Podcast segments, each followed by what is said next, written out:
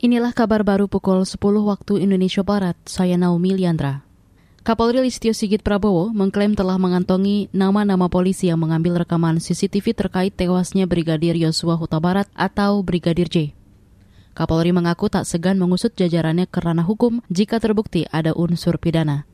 Ia berjanji akan membuka pihak-pihak yang terlibat pengambilan CCTV dan mendalami dugaan perusakan kamera tersembunyi. Rekan-rekan tahu ada CCTV rusak yang diambil pada saat di Satpam dan itu juga sudah kita dalami. Kita sudah mendapatkan bagaimana proses pengambilan dan siapa yang mengambil juga sudah kita lakukan pemeriksaan dan saat ini tentunya kita akan melakukan proses selanjutnya. Kita akan proses nanti berdasarkan hasil keputusan apakah ini masuk dalam pelanggaran kode etik maupun pelanggaran pidana. Kapolri Listio Sigit Prabowo menambahkan saat ini sudah ada empat polisi yang dipindahkan ke tempat khusus selama 30 hari untuk pemeriksaan. Selain itu, 25 personel dari berbagai pangkat juga diperiksa. Malam tadi, Kapolri juga memutasi sejumlah pejabat, salah satunya mencopot Ferdi Sambo dari posisi Kadif Propam. Masih soal kasus tewasnya Brigadir J. Komisi Nasional Hak Asasi Manusia Komnas HAM hari ini memeriksa tim dari Pusat Laboratorium Forensik Puslap 4 Polri.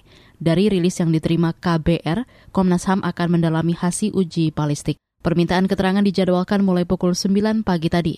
Sebelumnya, Komnas HAM juga telah mendalami rekaman CCTV, riwayat komunikasi, dan memeriksa ajudan serta asisten rumah tangga Ferdi Sambo. Terakhir, kita ke lantai bursa. Saudara, indeks harga saham gabungan IHSG menguat di pembukaan perdagangan akhir pekan. Saham naik 10 poin ke level 7.068. Nilai perdagangan saham di menit-menit awal mencapai 150-an miliar rupiah. Masing-masing 54 saham menguat dan stagnan serta 35 saham melemah. Sementara itu kelompok 45 saham unggulan atau indeks LQ45 naik 2 poin ke posisi 1006. Sedangkan untuk nilai tukar rupiah pagi ini dibuka menguat 31 poin ke posisi 14.902 per dolar Amerika dibandingkan penutupan perdagangan sebelumnya, yakni 14.993 rupiah per dolar Amerika. Saudara, demikian kabar baru KBR. Saya Naomi Liandra undur diri.